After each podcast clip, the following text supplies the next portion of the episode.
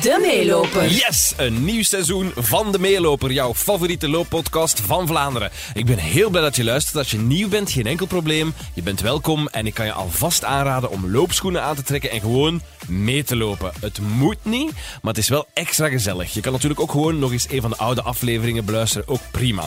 Ik ben heel, heel, heel, heel, heel blij met onze eerste gast van dit nieuwe seizoen. Het is iemand die ik al heel lang probeer te strikken en ik kreeg hem nog net te pakken, maar echt letterlijk net te pakken, vlak voor hij naar zijn tweede woonst vertrok in LA. Het gaat over singer-songwriter Milo, die ook nog eens een zeer regelmatig loper blijkt te zijn. In de podcast vertelt hij een geheim dat nog niemand weet, iets over hem samen met een internationale megaster. Hij verklapt ook een ander geheim dat niet over zichzelf gaat, maar wel over YouTubers. En hij heeft de truc gevonden om minder met je social media bezig te zijn. Geniet van deze eerste aflevering van seizoen 2 van de Meeloper. Heb je opmerkingen of suggesties? Stuur me een berichtje of een mail sam.qmusic.be Of als je niks te melden hebt, luister gewoon en zing mee uit volle borst met de jingle die we al veel te lang hebben moeten missen. De meeloper. De meeloper. Alright. En we zijn vertrokken. Maar dus eigenlijk, hoe vaak loopte jij? Ik, eh, ik probeer een paar keer per week te gaan lopen. Maar dat is, eh, nadruk ligt op proberen. Eh, het hangt een klein beetje af van hoe mijn week eruit ziet. Maar ik kan eigenlijk wel zeggen dat, ehm, dat ik eigenlijk het meest regelmatig loop als ik, als ik op tour ben eigenlijk. Omdat je dan een regelmatig schema hebt ook waarschijnlijk. Ja, omdat er een soort van voorspelbaarheid zit op het ritme van elke dag te spelen. En je geraakt eigenlijk, als je niet oppast, geraak je een klein beetje in een soort van lethargische staat. waarbij je heel laat opblijft, dan heel laat slapen. Onder het motto van veel energie te hebben s'avonds. Maar lopen is echt een perfecte reset om, om zo, nadat je zo eigenlijk lang geslapen hebt. En voor mij, door te gaan lopen, en ik zeg als je bijvoorbeeld vijf kilometer richting een rivier of zo in de buurt. Er gebeurt altijd wel iets, of ik zie altijd wel iets waar ik, eh, waar ik iets mee kan doen ehm, tijdens het concert. Eh, een anekdote bijvoorbeeld, of ja, dat, dat is toch wel eigenlijk dankzij zo te gaan lopen kun je toch nog wel redelijk veel zien van een stad of Maar en je neemt ze dus ook altijd mee als je, gaat, eh, als je op tour gaat. loopschoenen. Ja. Ja, ja, absoluut. Dat is echt het. Dat is ook de reden waarom ik op een moment toch meer ben beginnen lopen. Niet per se omdat het mijn favoriete sport is, maar omdat het gewoon het makkelijkste is als je vaak onderweg bent. Je hebt eigenlijk echt gewoon die twee, die liefst twee schoenen nodig. En dan, eh, Heb je dan andere sporten wel gedaan vroeger? we gaan hier oversteken en dan daar in die straat. Ehm, ja, ik heb heel veel gesport. Hè. Ja? Vroeger, vroeger toen ik eh, groot was, eh, hier oversteken. Ehm, ja, vroeger. wat ik Een basketter. Ik was zeker, een- ik, ik heb op een bepaald moment veel gebasket. Ehm, volleybal was eigenlijk wat ik misschien nog het langst eh, gedaan heb. En zoals iedereen bijna in mijn dorp gevoetbald ook. ja, de jeugdreeks, het moment dat, zo, dat ik 13, 14 was, toen was de, de lol er wel af. Maar, en, ehm, ja, en, en voor de rest, windsurfen deed ik vaak als ik klein was. Zo wat, ja, dat was zoiets dat ik in de zomer vaak gedaan heb. Maar dus eigenlijk is lopen niet je favoriete sport. Eigenlijk niet, maar terwijl het is wel zo bijvoorbeeld... Ja, goed, dat is bij veel mensen zo. Toen wij gingen, toen wij gingen als wij volleybalden, dat was dan één of twee keer training de week of voetbal. En op een moment deed ik dat allemaal, dat, dat begint altijd met lopen, hè, met rondjes. Ja, dat is de opwarming en al. Ja. Ehm, het moeilijkste is opnieuw van effectief de deur uitgaan hè, om te gaan lopen. Ja. Achteraf is het een fantastisch gevoel. Maar zo, om jezelf te motiveren en zeker alleen, dat was het voordeel van die structuur te hebben van die trainingen, dat je gewoon daar niet bij naast, nadenkt. Je gaat gewoon en je loopt. Amai, maar ik ben zo gelukkig om te horen dat jij daar ook moeite mee hebt. Maar het is wel ook zo, als je regelmatig loopt, dan, dan versterkt dat zichzelf. Dan begin je een soort van... Ja. Je begint dat bijna te missen. Ja, maar je moet opletten dat je er niet over gaat. Ja, en ik moet nu ook wel zeggen met de hittegolf, want ik ben deze zomer tussen concerten in, vooral in, eh, in België geweest. Ja. Zo hittegolf, hoge ozonwaarde, dat is nu wel niet zo. Dat is niet echt gezond. dat is geen ideale loopomstandigheden. We zitten nu volop in, ik Ja, denk, een goede 32 graden bezig nu. Ja, Downtown Leuven. richting vaart. Ik vind dat wel de, Allee, de max dat je in, Leuven wel blijft hangen of zo op een of andere manier. Allee, ik ken natuurlijk een paar maanden op het jaar naar L.A. wel. Maar zo Leuven kun je precies niet, niet loslaten of zo. Eh, ja, Of wel? Het is moeilijk om over gemiddelde, gemiddelde jaren te spreken, maar als ik toch probeer, een gemiddeld jaar voor mij, ben ik een derde in Leuven grotendeels, een derde in L.A. en dan een derde dat ik gewoon onderweg ben. En voor mij op dit moment werkt, werkt dat echt en- enorm goed. Ik heb een, een plek in Leuven, in het centrum, waar ik een eigen repetitieruimte heb. En de leefbaarheid is, is enorm omhoog gegaan in Leuven ook. Ja? Door het moment dat, dat ze hier autoluw geworden is. En zo in de zomer. Ja, dat is echt wel zalig. Alles met de fiets doen en eh, alles is heel compact dichtbij. Dus voorlopig werkt dat nog. Ik zou ook in een ander scenario waarbij ik minder vaak zou reizen, zou ik zeker wel eens in Antwerpen willen wonen. Ja. Maar ik vond het zo grappig. Ik ben eens eh, een keer in Nederland komen kijken naar, eh, naar een van uw optredens, kinderen. In Amsterdam. En ik herinner me dat je toen aan het dromen. Van, oh joh, Amsterdam dan niet de max Ja, om te wonen. Maar je zit nog altijd in Leuven. Nee, het is waar, maar, maar ik zit natuurlijk in LA en in, in Leuven. En dat is wel Ja, een, een belangrijke nuance, want om 12 maanden Hier het. Dat, ja, dat, dat, dat is...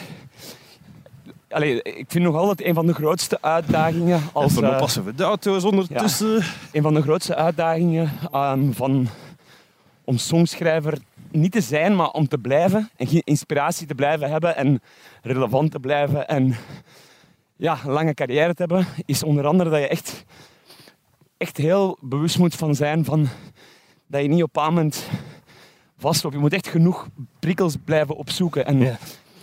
opnieuw, ik heb in Leuven heel veel nummers geschreven. Hè, van, gaande van nummers als You Don't Know of Little in the Middle of EO Technology. Die, die versie heb ik allemaal in Leuven gemaakt. Maar op een bepaald moment, ja, ik geloof er wel in dat er Dat je soms nieuwe indrukken nodig hebt. ja, je horizon te veranderen en Ja. een ander gevoel. En dus in die zin blijf ik inderdaad met één voet voorlopig stevig in Leuven en België. Maar heb je het dan meegemaakt op een gegeven moment dat je voelde van... Ik moet nu even weg. Is, is dat er ooit geweest aan dat moment? Of is het heel natuurlijk gelopen? Wat ik me nog herinner is dat ik echt op een moment begon te realiseren dat ik in Leuven eh, in drukke periodes dat ik altijd druk, druk bezig ben, maar dat ik eigenlijk niet heel vaak meer mijn gitaar vastpakte om aan iets nieuws te werken. En dat had gewoon te maken met dat praktische zo van koffer maken, promo doen, op de tourbus stappen, concerten spelen. Nee, maar, maar op een bepaald moment ik van shit, ik moet echt zorgen dat ik ergens dat het creatieve proces ergens hierover steken. Alright. Het creatieve proces moest proberen te vrijwaren en een, en een soort van ja, dat ergens in te bouwen in, in een druk, in een druk eh, ritme. En zo ben ik met dat idee beginnen spelen van om een tweede uitvalsbasis te nemen. Ja. Om daar dan echt met het doel van zo weinig mogelijk afleiding en om daar dan echt telkens opnieuw aan nieuwe muziek te beginnen werken. Een En- soort creative safe space. ja, Maar dat, dat, moet, dat moet ook een gok geweest zijn. Of Ja, wist je dat dat ging, ging, ging Nee, lukken? nee, ik wist dat niet. Ik, heb, eh, ik volg nu al eh, jarenlang mijn, eh, mijn intuïtie bij dat soort dingen. Dat was mijn gevoel dat me zei van oppassen. Ja, om ergens te blijven, eh, letterlijk en figuurlijk ter plaatse te blijven trappelen. Ja. En dan eh, ben ik dat inderdaad zo... Dus dit zijn twee nieuwe bruggen, Sam. Wow. De toeristengids in mij... Dat is goed, hoe moet dat doen? Ja, nee, maar dat, dat was het vroeger niet. Hè. Wat was dit dan? Ja, dat was een soort van zone. Maar nu, waar staan wij nu? nu kon, kon een autoverkeer eigenlijk zo Ja, van de autostrade zo doorrijden. de Leuvense gids Milo. De Stella, De Stella. the original. Maar zo dat niet ter, ter plaatse willen trappelen en altijd vooruit gaan. Waar komt dat vandaan? Van waar heb je dat? Ehm, ja, ik, ik, ik ben sowieso iemand die, die niet graag... Ik ben graag druk bezig, omdat ik daar eigenlijk heel veel energie van krijg om, om veel te doen met veel projecten. En ik krijg daar ook gewoon betere ideeën van hoe drukker ik het heb. Dan komt er gewoon meer ideeën dat dan voor op iets anders toepasbaar is. Wauw. En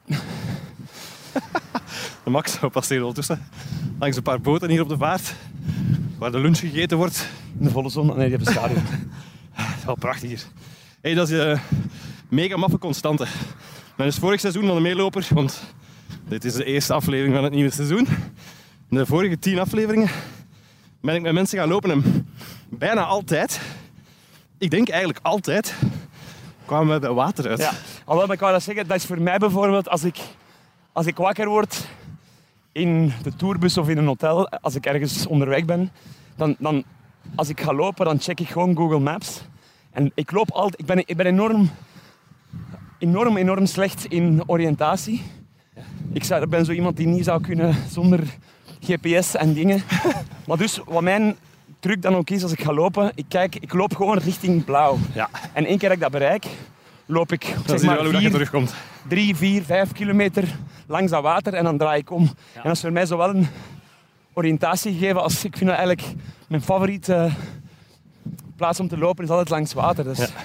ik weet niet, dat geeft rust. En ja, en dan, dan eh, ja, of dat nu langs de, in de, langs de zee is of, Of een rivier of een beek. meer. Ja. Ja, ik ben niet iemand die in het stadscentrum loopt. Dus Maar het is zo opvallend geworden. ik zag dat nu, ik was vorige week in Brussel, in het centrum, en dan zag ik zo lopers die zo echt bam in het centrum. En zo, dat, ben ik nooit, dat heb ik nooit gehad. Dat vind ik een beetje te hectisch en uitlaatgassen gewijs. Lijkt me dat ook zo wat Wat moeilijk is. neutraliseren van, van het idee om wat gezond eh, bezig te zijn. Maar het is voor u meer een mentale kwestie dan lopen? Ofwel ook echt om u sharp te houden qua lichaam? Eh, vooral een gevoel, opnieuw, van wat ik zeg van na deze loop eh, ga ik mijn pak, ga ik een pak meer energie voelen. Terwijl ik heb vannacht drie uur geslapen of zo, de nacht daarvoor ook een paar uur. En het helpt om zo de, de doorprikken van, om anders in een soort van passieve staat die dag te verspillen. En dat helpt. Het is wel zo dat van, dat, ehm, dat een live muzikant zijn in 2019 is wel echt topsport. Ja? Als je veel speelt, je kunt dat echt niet volhouden als je niet over een, eh, een degelijke conditie beschikt. Maar want er soms periodes dat dat ook echt... Dat je dat, dat je dat even stopt zo, heel dat live performen. Want natuurlijk weten we wanneer dat je in België passeert, maar het zijn dan soms nog weken, wekenlange tours in Duitsland en de rest van Europa. Je hebt wel ook echt periodes dat je zegt van oké, nu even mij gerust laten. Zo. Maar wel, eh, eind juli, begin augustus was zo wat het, eh, het zwaartepunt van de live zomer. En dat was dan zeven concerten op tien dagen.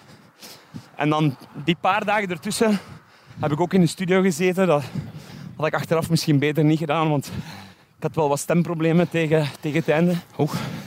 Maar dan nu, dit weekend, twee concerten. En nu heb ik eigenlijk eh, een kleine drie weken tot het volgende. Dus Ja, dat, dat ga ik wel echt gebruiken om, om ja, wat energie bij te tanken. Want ik voel me nu, also, ik ben me nu ben ik wel redelijk moe. het zit op het einde zo wat. Die, die concerten zelf die zijn ook wel echt Super tof natuurlijk. die zijn super tof. Maar anderhalf uur geeft daar echt heel veel in. En, en los van zo pure conditie is er ook zoiets als een mentale frisheid. Waarbij je ja, gewoon... Dat is iets wat ik jaren geleden besefte van heel veel dingen wat ik doe. Of dat nu gaat over een song schrijven of in de studio of een optreden geven of zelfs interviews bijvoorbeeld. Ja. Dat is allemaal zoveel gemakkelijker als je mentaal fris bent Ja. en ja, uitgerust. En zo, dus dat is echt wel belangrijk om, om, eh, om daar bewust van te zijn. Want voordat je het weet, kan je in een, in een, in een, in een staat belanden waarbij ja, Alles vervelend wordt. ja, alles ineens iets, iets meer, maar pakt zachter uitgedrukt, waar ineens alles iets meer inspanning vraagt of zo. En Ja. ja, dat zou eigenlijk niet mogen. Maar je moet dan zo vooral zien dat je nooit in een, in een staat van frustratie komt. Dat is zoiets wat ik wel bij mezelf herken van vroeger of zo. Dat heb ik geleerd om, om te negeren, om mij eindeloos te frustreren in duizend en één dingen. Ja, ja, als je, ik denk dat de meeste van ons die doen wat wij doen, eh, gemeen hebben dat we heel perfectionistisch ben, Ja. zijn. En het probleem van perfectionisme is dat er eigenlijk geen, geen rem op staat. Dus letterlijk alles kan goed gaan, maar dan het, een, het ene ding dat je vindt dat dan, waar je meer van verwacht had of, of dat je anders had willen doen, krijgt dan alle aandacht. En dat is wel belangrijk. En dat is ook weer, als je fris zit, dan, dan, Dan kun je beter tegen vechten. ja, dan kunnen daar zo van, wacht Ja. even. Even loslaten, van Ik heb, ik heb afstand het letterlijk deze zomer, dat er een aantal dingen mij frustreerden op een aantal vlakken. En, en ineens, ik, ik zei zo tegen iemand van, ja, ik, ik heb zo, ik zei dat al lachend, zo van, ja, ik heb het gevoel, de laatste week of deze zomer dat het universum wat tegen mij zit. Maar terwijl ik het zei, zeg maar wacht even. Doe eens Maar normaal. totaal niet, totaal niet. Ik zei, ik zei ook van, sorry, ik neem dat terug. Er gaat fantastisch, heel veel dingen fantastisch goed. Ja. Maar dat is gewoon, als je perfectionistisch bent, dan focus je, dan heb je eigenlijk geleerd om te focussen, om niet te veel te kijken naar wat er wel lukt. Uh, ja, ik, heb, ik heb op mijn nieuwe album staat er een nummer, uh, Greatest Expectations, en daar doe ik een beetje aan zelfanalyse. En de openingszin is van, The thing about Jonathan, he's never ever satisfied. En dat is letterlijk, dat, is, dat, echt, dat, dat verklaart echt heel veel van wat ik doe en mijn drijfveren en zo. Maar als je mij vraagt van, van waar komt dat? Ja, dat is, dat is, ik heb dat altijd gevoeld en dan ben ik dat op moment beginnen voeden. Dat gevoel met mijn muziek. En toen dat dan vruchten begon af te werpen, ja, dan kijk je nooit meer achterom en dan blijf je eigenlijk op dezelfde manier doorgaan. En, Je hebt, je hebt dat gebruikt om iets positiefs van te maken. Zo, hè? Allee, ik bedoel, uw, uw ja, maar carrière ik, ik vind dat wel... Ik is er dat- ook dankzij dat perfectionisme ook ja, natuurlijk. ik vind, ik vind, in voor alle duidelijkheid, vind ik dat... Ja, vind ik dat nog altijd iets... Je moet dat natuurlijk in de juiste proporties hebben, maar ik vind perfectionisme vind ik iets, iets goed. Je moet je bewust zijn van de, van de keerzijden en zo, maar voor de rest vind ik dat... Vind ik dat vind ik dat oké, zolang je beseft dat dat voor jou geldt. Soms, soms hebben perfectionisten de neigingen om hun perfectionisme te projecteren op anderen. Ja. En dat zorgt dan voor Ja. wrijvingen. Maar dat is eigenlijk... Moet, je moet kunnen een onderscheid maken tussen, tussen je eigen Ja. en wat je op anderen... Want ja, iedereen bepaalt zijn eigen doelen en prioriteiten. Dus, dus eh, Maar nee. hoe zet je tot die constataties gekomen? Is dat gewoon vallen en opstaan? Of zet je over beginnen lezen? Heb je ehm, hulp gezocht daarover? Want dat is wel eens heel herkenbaar. Ik ga nu eens heel raar zeggen misschien. Maar ik denk dat veel luisteraars van deze podcast, wat voornamelijk een publiek is dat veel loopt, ik heb een ongelooflijk vermoeden dat daar waanzinnig veel perfectionisten tussen zitten. Ik merk dat op loopwedstrijden ook. Dat zijn allemaal mensen die een keigoede tijd kunnen lopen op heel een wedstrijd. competitief zijn. Ja, super competitief. En dan nog teleurgesteld zijn dat ze een halve minuut onder hun doel hebben gedaan. Moeten we oversteken? ja, Oké, makkelijk. even oppassen, want het is druk. Hoppa. We gaan direct de auto's achter ons laten. Daar begint het rustige deel. Ehm, als ik probeer uit te leggen van waar wij komen. Het ding van als je voltijds muzikant bent, dan, neem je, eh, dan heb je en neem je ongelooflijk veel tijd om over dingen na te denken. En vooral in mijn geval probeer ik mezelf constant te analyseren. Ja. Ja, dat is iets. Ik probeer gewoon constant na te denken over ja, mijn eigen motieven en, en mijn reactie. Maar ik kan enkel voor mezelf spreken. Ik heb iets Ja. in het algemeen wat ik altijd probeer te doen als ik, als ik te maken heb met mensen, probeer ik me altijd in hun schoenen te verplaatsen en in hun positie om te proberen te begrijpen van waar een bepaalde reactie komt, hoe moeilijk het dan ook te begrijpen is. En, maar ik probeer dat ook met met mezelf te doen. En ja, ik ben eigenlijk vaag in mijn antwoord, maar ik heb niet echt een duidelijk antwoord. Maar dat is gewoon iets. En het is ook wel te maken met de, met de leeftijd. Als je zo een keer de 30 voorbij, dan begin je misschien iets meer. eh, iets meer. eh, ja, aan zelfanalyse of, of na denken. En ik kan eigenlijk e- enkel zeggen van. Wat ik super tof vind aan de periode van mijn leven dat ik in zit, is dat ik zo. Ik voel dat ik op een punt zit waarbij ik een toffe combinatie heb van, van een ervaring en zelfvertrouwen en ja, een wijsheid over mensen ontmoet te hebben en dingen meegemaakt hebben. Dat dat dan eigenlijk leidt tot een... Ik voel dat ik zo... Dat ik, veel, ik ben veel efficiënter op heel veel vlakken in mijn leven dan dat ik vroeger was.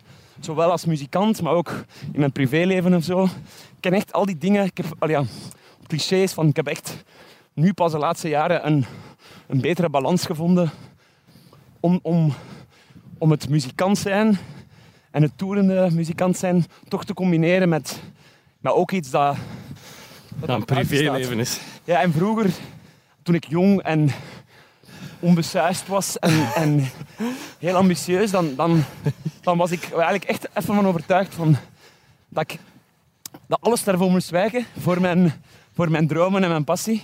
En dat ik dan ook zo van zei, ja, dan, ja, dan zie ik mijn familie maar nooit en dan verlies ik vriendschappen. Een soort van heroïsch zelf aangepraat gevoel van... Ja, als ik dit wil, als ik echt een soort van ja, Europese toerende muzikant, dan zal dat gepaard gaan met allemaal dingen die niet zullen lukken. Maar de waarheid is, dat klopt misschien voor een deel als je begint.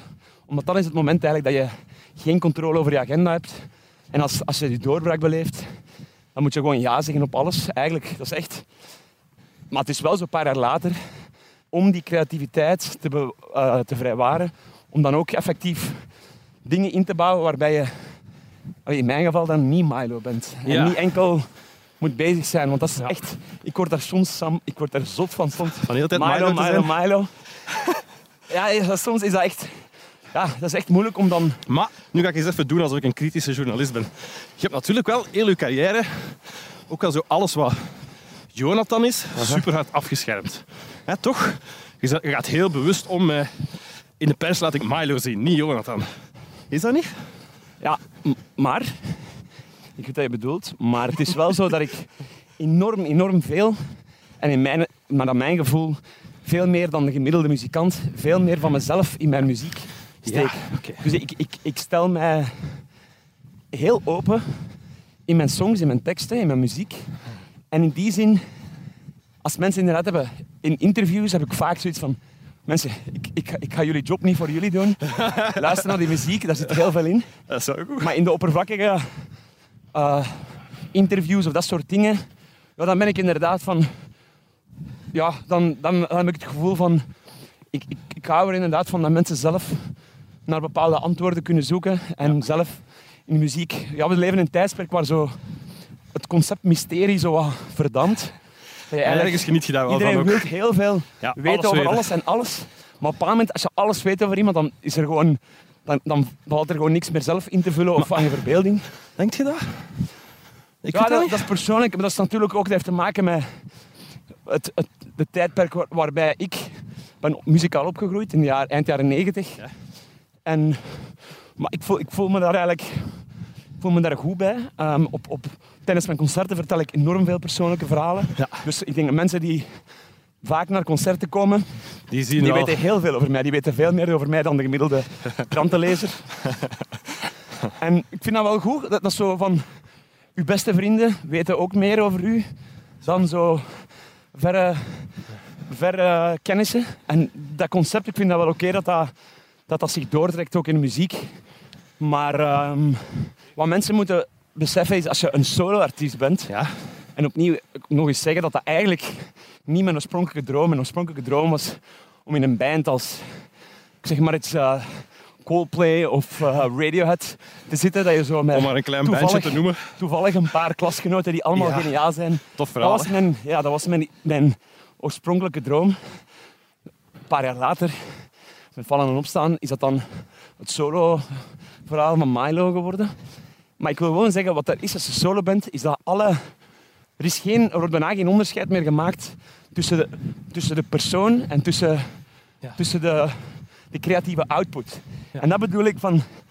Ik zou dus ook, ook aan elke solo-artiest aanraden om niet alles... Niet, dat er niet alles één op één allee, in de muziek te gooien. Want als, er dan, als je dan tegenwind krijgt, op wat dan ook, dan is er op een moment, dan gaat dat gewoon ook echt, komt dat veel te hard binnen. Dus in die zin kan Milo ook een, ook een schild zijn van oké, doe maar. Ze mogen hun muziek afkraken, maar het wordt moeilijker als ze je persoonlijkheid afkraken. Ja, maar dat werd in twee richtingen. Want ik heb ook al gemerkt dat, dat bepaalde mensen... In, in principe moet het perfect mogelijk zijn om bevriend te zijn of goed op te schieten met iemand Ja. die op zich misschien qua smaak Ja, niet veel heeft met, met wat je doet. In mijn geval met muziek. En toch merk ik dat dat bijvoorbeeld voor heel veel mensen heel moeilijk is. Ja? Om dat, om dat onderscheid te maken.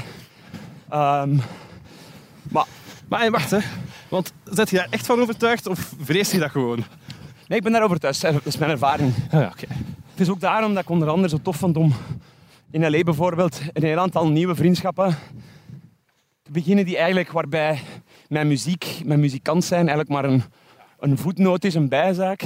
En dat dat gewoon gaat over wie je bent als persoon. En dat bedoel ik een beetje met van dat er gevaar zit als, je, als alles vereenzelvigt. Want dan ben je ook op den duur... Is er echt een groot gevaar voor muzikanten dat ze in, in hun eigen eh, mythe of, of het beeld dat, dat er geprojecteerd wordt, dat ze daar zelf in beginnen meegaan. Maar je hebt natuurlijk ook andere mensen die zoiets hebben van ja, laten mensen maar denken. Ik weet wie dat ik ben en ik doe mijn ding. maar, dat, maar, maar dat, heb ik, dat heb ik inderdaad. Ja, dat is iets wat in het begin... Ik kom in het begin van mijn, eh, van mijn muzikant zijn carrière kon ik me ongelooflijk opwinden over tegenslagen of over een negatieve recensie bijvoorbeeld. Maar omdat dat toen voelde dat als een aantasten van mijn Ja. identiteit en van mijn, Ja. van mijn streven. Ik was nog maar net bezig. En toen zag ik dat echt als een soort van existentiële bedreiging. En het is wel zo, zoveel jaren later, Heb je veel meer een rust en een vertrouwen van wat ik doe.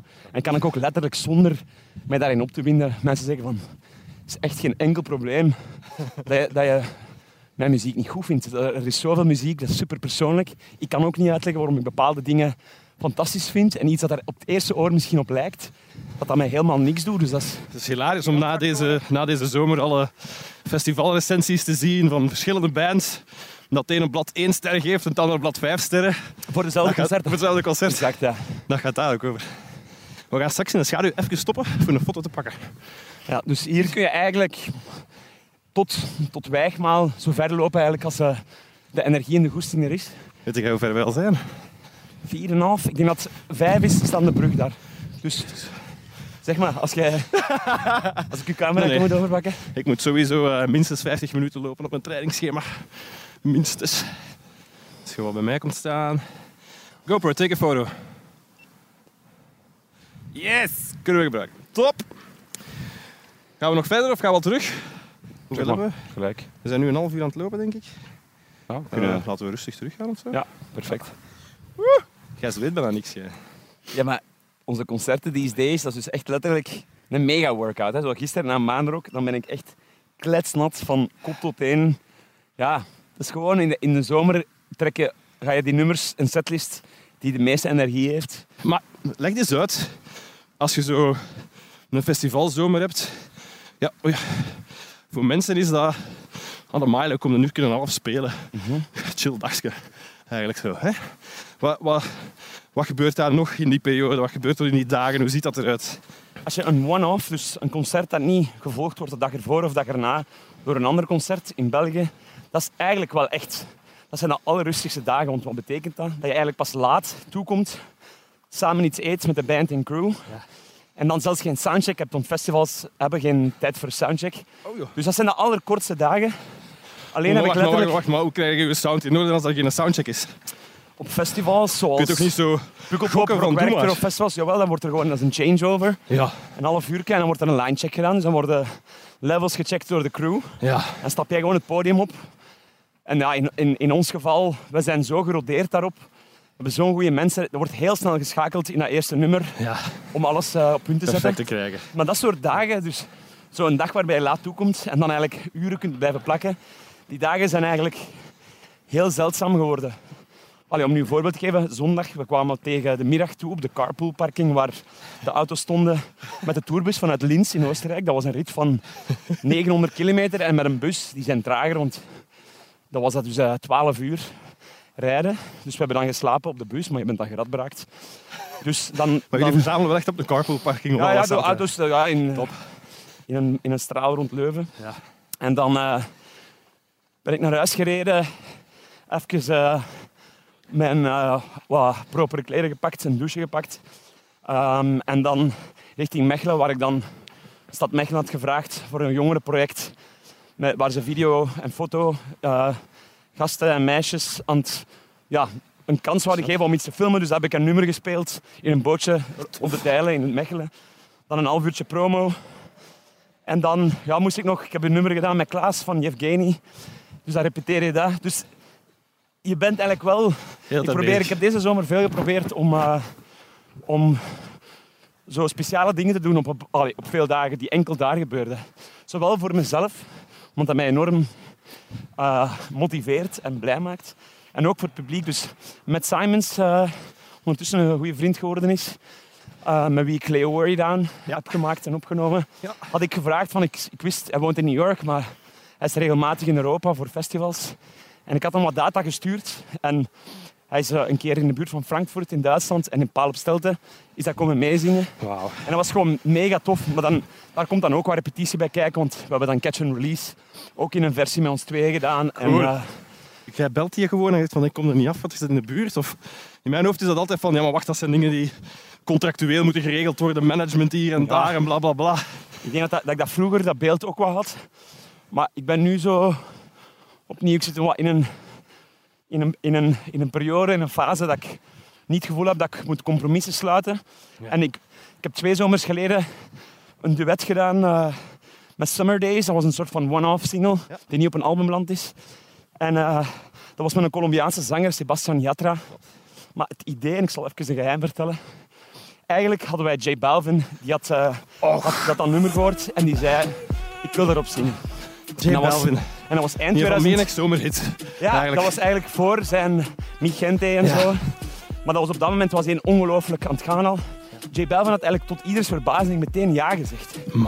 En dat was een periode, maar dat is echt het mega coole van, van de reggaeton scene bijvoorbeeld, dat die mega colla- collaboration-minded zijn. Dus die pop-rock denken altijd van, als ik dat doe, dan kan ik dat niet doen. Of dan is dat concurrentie met uw eigen single. En die mannen, letterlijk, die doen niet alleen mee met keiveel nummers, die gaan ook nog eens meestal in die video opdraven. Dat is zo, ja, meer het hip-hop en, en reggaeton. Ik vind dat een ongelooflijk inspirerend aspect van, gek genoeg. van die dingen. Dat is wat er in de YouTube-wereld de hele tijd gebeurt. Ja, ja. Dat is wat YouTubers constant doen, die collaborations. Ja, maar de YouTubers, daar heb ik nu wel onlangs nog eens een verhaal over gehoord. Ja, Dat, dat lijkt dan puur voor de goede sfeer, maar, maar die, die, die betalen elkaar eigenlijk. Wat? Ja, ik heb van een hele grote YouTubester uit Nederland gehoord dat die dan... Die, gaat dan, die, die contacteert dan eigenlijk een, een groter in Amerika en die zegt zijn fee. En dan, dat zijn eigenlijk zo van mini-ondernemingen. Dan neemt hij het vliegtuig naar daar, doet hij een cameo in dat ding, maar wordt er wel degelijk een som betaald. Want zo kunnen die mensen daarvan leven. ja. En dan natuurlijk de buitenwereld ziet dan gewoon van, amai. Die zijn samen het Ja. het doen. Wow. Maar dus in die zin, ik heb dan J Balvin verhaal na een paar maanden. Dat was waarschijnlijk de slechte timing. Ineens kwam Des- Despacito uit en werd ineens Nee. dat genre mega hot. En dus ik zat eigenlijk voor, voor het ding, maar dan door omstandigheden is er gewoon niet van gekomen. En J Balvin, ze bleven ons zeggen, ja, volgende week hebben we misschien tijd. Oh nee. Maar dat, dat, dat raakte gewoon eigenlijk in de wachtrij. En dan was eigenlijk Sebastian Yatra kwam dan... Maar alleen was dat idee een beetje een verwaterd idee, want J Balvin is meer een... Dat is niet echt een zanger. Ter- Terwijl Sebastian Yatra is eigenlijk gewoon een popzanger. Ja. En was, vond ik een minder interessant contrast met mijn stem. Maar zo wat we hebben dan gedaan. Ik heb die Sebastian voor het eerst ontmoet. En voor het laatst op de videoshoot in L.A. Nee. En we hebben dan wel een filmpje gedaan en zo, maar zit genomen. Daarna had ik zoiets van... pff, Dat was in de toekomst wil ik eigenlijk ook gewoon liever met mensen die ik heb leren kennen, die ik heb weten waarderen, waar Waar ik vrienden ben. is. Ja. En bij Matt is zo'n voorbeeld. Dat is dan inderdaad minder verrassend misschien als je twee singer-songwriters samen doet. Maar het voordeel is wel dat ik je op WhatsApp kan zeggen, zeg Matt, kom jij meedoen in de Lotto Arena? Dan, doen we, dan kun jij een set doen met je band en dan daarna doen we een aantal nummers in mijn set. En dan zegt hij gewoon ja. En dat vind ik dan interessanter dan zo die typische muziekindustrie eh, samenwerking. Ik heb goesting om erbij te springen. Ja? Is het niet te kou? Nee? Er zijn gewoon mensen aan het servicen. Tof. Maar dat is wel iets, een constante misschien in uw carrière toch ook. Je hebt altijd mee, mee gepusht bij jonge artiesten die kansen verdienen, op welke manier dan ook. Al was een Spotify-lijstje waar dat je wat mensen aandacht gaf of echt begeleiden van artiesten. Allee, dat je zelfs zo ook in het begin van haar carrière en al. Dat is toch iets dat je altijd gedaan hebt wel. Dat, ja, dat is iets dat, dat, dat voor mij was dat een logica zelf. Ik, heb, ik, heb, allee, ik herinner me zo goed die periode waarbij ik aan het zoeken was naar een, een voet om mijn voet tussen de deur te zetten. Ja. En dat is eigenlijk zo moeilijk als je vanaf nul begint. Dat toen ik dan één keer zelf mijn eigen plek gevonden had, dat dat voor mij eigenlijk een logica was om, om in de mate dat ik kon, om eigenlijk andere mensen tijdelijk misschien een duw in de rug te geven of te helpen. Dat, daar zit ook niet al te veel denkwerk achter. Dat is eerder iets wat ik leuk vind. En ik, ik- elke keer als mensen zo dat iets te zwaarwichtig doen maken, dan ben ik ook zoiets van wow, wow. De invloed dat ik, iemand als ik kan hebben, is relatief beperkt. Ja. Goeie, echt goede muziek, echt ongelooflijke talenten, die komen echt tot boven drijven. Ja. Natuurlijk, ik, ik herinner me ook nog heel goed dat, dat er een fase was waarin ik dacht dat ik echt al ver stond en ik dat niet begreep, dat de wereld dat niet zag. Alleen is het natuurlijk later dat je beseft, er was wel iets, maar het was nog, Dat was nog niet. je was nog aan het zoeken en dat is een ruwe diamant of zo. Dus Maar ik denk dat je niet mocht onderschatten hoeveel zelfvertrouwen een jonge artiest kan putten uit het feit dat iemand als jij of een andere grote artiest die support. Snap je? Als jij die zo zegt van... nee, nee. En dat, Hey, ik vind u goed. Het is niet dat jij die gaat aanraden bij alle platenmaatschappijen, maar dat tikje zelfvertrouwen kan het soms doen, nee? Nee, inderdaad. Want dat, dat, dat- de, wat de meeste beginnende creatieve mensen in het algemeen, dat hoeft zelfs niet enkel muziek te zijn, gemeen hebben, is dat er een hele gekke mix is van heel veel zelfvertrouwen, maar ook heel veel onzekerheid. Oh, zo herkenbaar. Die twee zijn constant met elkaar aan het strijden. Dus Is dat bij u ook nog altijd zo? Op uw leeftijd en in uw carrière? absoluut. En ik, moet daar ook, ik probeer daar ook op te letten om genoeg te communiceren, ook over, over de twijfels die er altijd geweest zijn en die er nog altijd zijn, want dat hoort gewoon bij het creatieve proces. Ik denk letterlijk zelfs dat, als we een stap verder gaan, dat ik denk dat dat het begin van het einde kan zijn als je op een moment geen twijfels meer hebt. Ja. En ja, in mijn geval, ik, bij mij was, is dat maar langzaam gerijpt, dat dat idee van dat alles op muziek. Ik, er was een fase dat ik, dat ik heel hard werd aangetrokken door sport. Dat ik ook met een droom zat om veel te schrijven, maar dan eerder zo een boek of, of film. Of, ik wou zelfs een paar met regisseren en zo. En muziek was gewoon een van die dingen die, waar ik veel van mezelf in kwijt kon. Maar het was niet zo dat dat zo vanaf mijn twaalfde, dat is het enige. Dat is pas, al die andere opties zijn langzaam eigenlijk verdwenen tot dat steeds duidelijker werd. Ik vind dat nog altijd niet duidelijk bij mij. Wat, hè? Ik heb echt van Ah, maar nog is- altijd totaal maar- geen idee. Wat Maar dat is ook iets dat ik op een bepaald moment gezien heb in onze generatie. Dat de reis bijna altijd belangrijker is dan het effectie- effectieve doel. Ja, Want een doel heeft ook iets heel angstaanjagend. Als je alles gefocust op dat doel en je bereikt op een moment, wat dan? Ja. Dat is een grote leegte. Of dat is, dat is de basis van een, eh, een soort van identiteitscrisis. en eigenlijk moet je... Ja, dat is een vreselijk ik ken heel veel mensen in mijn omgeving die zeer, zeer polyvalent. Dus zijn, kunnen heel veel dingen een beetje. Ja. Maar we, we missen vaak de echte specialisatie in iets. En ik heb het grote geluk gehad dat ik een deel van mijn allround, ehm dat ik dat eigenlijk in muziek... Muziek is echt geen one-trick pony. Dat is zeker niet vandaag de dag. Misschien dat dat vroeger eh, nog anders was. Dat je toen van fotoshoot naar studio, naar concert en dat zit. En al de rest werd voor jou gedaan. Vandaag de dag moet je, moet je ook goed zijn met mensen. Ja. Ik ben uiteindelijk ben de jongste, of een van de jongste van de, van de band en crew. Maar die mensen werken strikt genomen voor mij. Dat, is natuurlijk, dat voelt helemaal niet zo. Maar dat is jij. Niet elke artiest doet dat. Jij hebt gekozen om op die manier aan te pakken, toch? Ja, dat is gek genoeg, dat was niet echt een keuze. Hè. Dat, was, dat is gewoon zo gelopen, omdat ik op een moment... Als ik, als ik wou kiezen voor de muziek, dan moest ik echt ehm, de handen uit de mouwen steken van... Oké, dat was mijn one-shot. En ik heb gewoon nooit de, de luxe gehad dat, dat, dat het mij op een, op een dienblaadje gepresenteerd is. En ik moet dat maar met halve tegenzin veel zelf beginnen doen. Ja. Maar dat heeft mij wel gemaakt wie dat ik vandaag ben, zowel als persoon als als muzikant. Zet jij soms wel ook, ook trots op het, eh het businessaspect van alles dat je gedaan hebt? Ik heb soms het gevoel dat je dat zo wat, dat je daar zo bijna voor schaamt, dat je ook wel echt al je zaken gedurende je carrière wel echt heel goed hebt aangepakt, zo heel slim hebt gedaan. Of heb je toch een trots daarin ook? Eh, ik, ik ben daar trots op. Maar, maar de eerlijkheid gebiedt me te zeggen dat dat ook wat te maken had met omstandigheden. En door omstandigheden heb ik dat met mijn spaargeld zelf beginnen maken. En heb ik dus alles, eh, alle rechten, zonder al te technisch te worden, maar alle rechten zijn van mij. Ja. En daardoor, toen het dan een Europees verhaal werd, heeft me dat eigenlijk volledige artistieke vrijheid gegeven. En Maar wat, is dat dan toeval? Schrijf je dat dan toe aan toeval? ik wil er eigenlijk niet al te veel gewicht op leggen, want anders lijkt dat zo een geniaal... En ik weet dat verleidelijk is en dat zou mij er goed in uitkomen, Maar maar, ik- nee, ik merk de dat gewoon. is ook wel dat ik, dat ik toen vooral wilde mij amuseren en, en wilde beginnen. En dat het dan een soort van offer was op dat moment, door een aantal dingen zelf Ja. in handen te houden.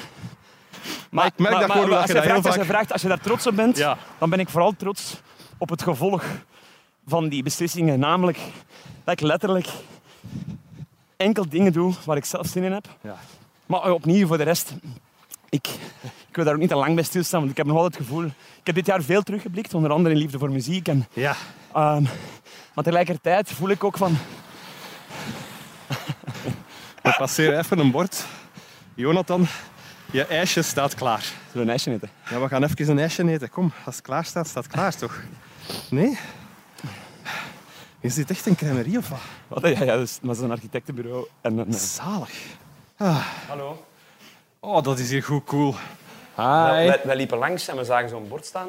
Ja, nee, dat uh, iets gegaan. Had je ons zien- zien passeren? Of wat? Ja, Ah, grappig. dat was net te laat, daarmee dacht ik. Maar wat, wat is een aanrader? Wat, wat, wat kun je aanraden? Oh, witte chocolade met brownie. Ja, ik ben al verkocht eigenlijk. Love it. En voor mij één bol limoengroene appels. Oh my god, wat is het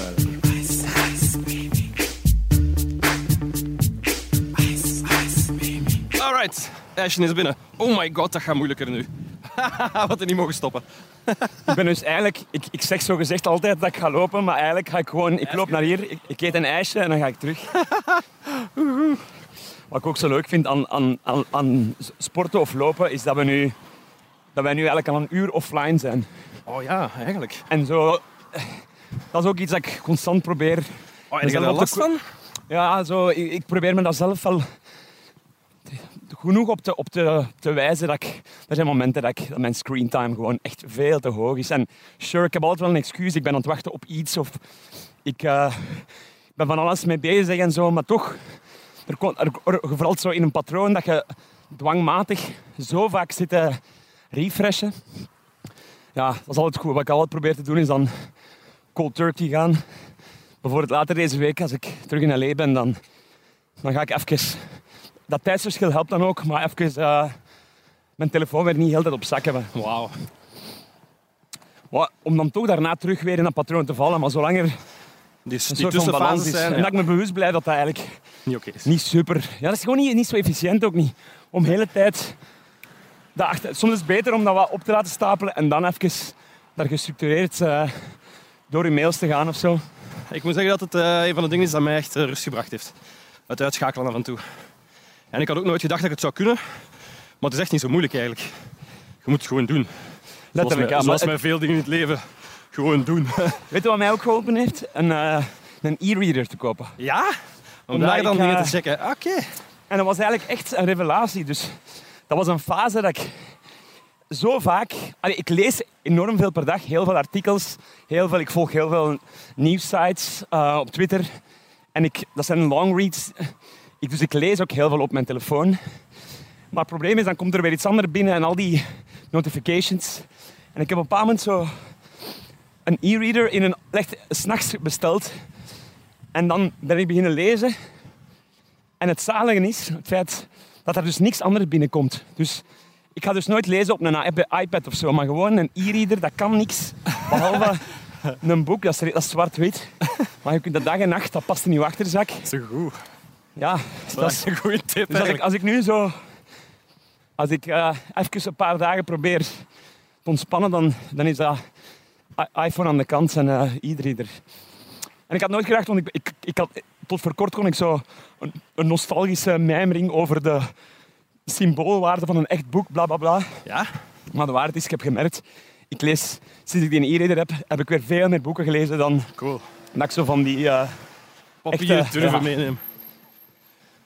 En hier, de fitometer, dat doen we volgende keer. Hè. Wat is dat? De fitometer. Oh my je god, dat? ziet er echt een pijnbank uit. Met kabels en dingetjes. Dit is dus altijd op het einde van mijn run. Fucking Is er eigenlijk zo'n valse Echt waar. stijging hier, maar we zijn er bijna. Op het einde nog een heuvel, zegt hem. Oh. Heb jij nooit wedstrijden willen lopen? Ik, ik, hou, ik, ik denk dat ik dat nog een beetje... Als ik zo even op een bepaald vlak in mijn leven vastzit, dan, ga- dan wil ik graag dat- mijn eerste marathon Ja. houden voor zo'n moment. Nee, maar Oké. is niet... Allee, ik wil niet overdreven Nee, nee, nee, maar ik snap zeggen ik en zeggen van ik, het gaat sowieso lukken. Nee.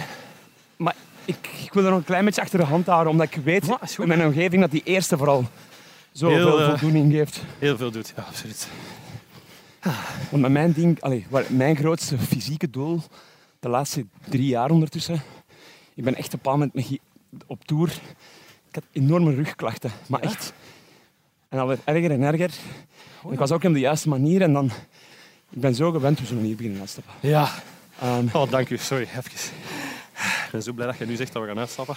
ik, eh, en ik ben zo gewend om op korte tijd iets te doen dat ik dat niet snapte waarom dat op een paar weken tijd dat ik daar niet... Het was eigenlijk een heel traag proces. Ik heb eigenlijk een aantal dingen moeten zo beginnen trainen op zo rare, saaie spieren zo, om mijn rug te ontlasten. Maar hoe is dat gekomen dan? Ja, dat is gewoon zich opgestapeld en dan... ver- Ja, dat is zeker. Dat is een epidemie, hè. Dat is letterlijk vanaf 35 is dat zo, jong. onderrug. Maar ik ben er wel door. Dus ik moet nu wel nog... Ik pak meestal mijn yogamat mee. En ik heb bepaalde stretchoefeningen die ik, die ik probeer vol te houden. Dus ik, maar, ik- maar ik heb nu een aantal tools Waardoor dat, dat Waar ik- waar ik dat kan. wordt. Ja. Maar dat was eigenlijk in- dat was niet echt in het moment om ineens bij zo'n een marathon, want dan zou ik mijn stoemeling zien. ja, instorten. Terwijl dit was eerder van... Ik, ik, had, ik had een periode dat ik al lang niet meer stretchte. Dat ik, dat ik, zo, ik had een heel eh, eenzijdige... Ik dacht van, ja, zolang ik maar aan mijn 80 kilometer de maand geraak, dan ben ik goed bezig op sportvlak. Maar dat was eigenlijk zo eenzijdig. Ja. En ik was eigenlijk niet echt naar mijn lichaam aan het luisteren.